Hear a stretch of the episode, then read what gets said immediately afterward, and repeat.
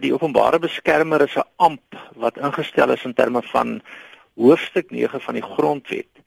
En die amp het 'n bepaalde stel bevoegdhede aangekoppel. So die openbare beskermer tree ook op in terme van die grondwet, maar terselfdertyd moet 'n mens nou ook aanvaar dat uh verskillende openbare beskermers, uh ons vorige openbare beskermer was advokaat Tuli Madonsela en voor haar was daar uh, ook ander openbare beskermers. Hulle hulle klee ook die pos in. Hulle het 'n bepaalde inkleding van die pos. En dit het te maak met hulle eie posisies wat bepaal word deur hulle ideologiese sieninge en ook deur bepaalde aspekte van hoe hulle gekom het waar hulle gekom het. Nou in die geval lyk dit my het die huidige openbare beskermer het sy 'n bepaalde raamwerk. En die die raamwerk waarbinne mense kan funksioneer, daai ideologiese raamwerk kan byvoorbeeld 'n baie sterk konstitusionele grondwetlike raamwerk wees. Maar dit kan ook en dit wil voorkom asof die openbare beskermer nader is aan kom ons sê nou maar die die raamwerk van die nasionale demokratiese revolusie van die raamwerk van 'n sterker beklemtoning van bemagtiging en hierdie soort van dinge.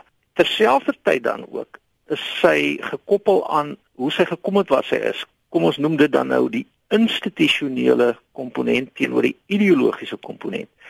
En dit het te maak daarmee dat 'n bepaalde aanstellingsproses gevolg word en ons weet dat daar aanduidings was dat ehm um, die president verkies het om 'n ander soort denker en doener te hê as advokaat Tuli Madonsela wat hom heelwat probleme gegee het. Wat is haar agtergrond dan? Daar was allerlei gerugte onbevestig dat eh uh, die huidige openbare beskermer verbintenisse gehad het onder andere uh, met die die staatsveiligheidsagentskap. So dit alles plus dan haar individuele sieninge.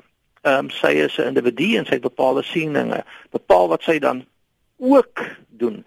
So grondwetlik het sy voorskrifte, maar sy het ook 'n persoonlike inkleding van haar rol.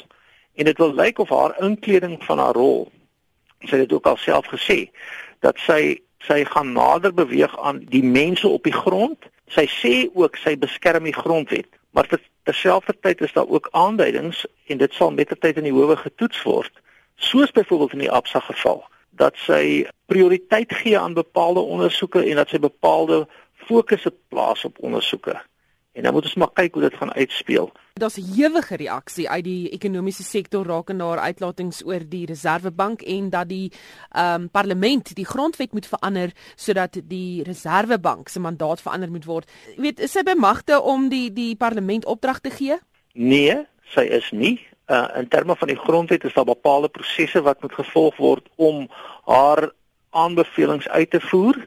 Ehm um, sy kan nie opdragte gee vir die parlement nie. Dis nie deel van haar grondwetlike mandaat nie.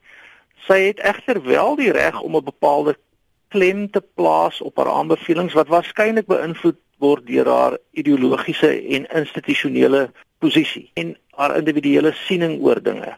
Maar uiteindelik is die soort opmerkings wel kom ons sê dan maar in die openbare domein het 'n bepaalde invloed, maar dit is nie 'n bepalende invloed nie. Daar's 'n verskil tussen 'n invloed hê en 'n bepalende invloed.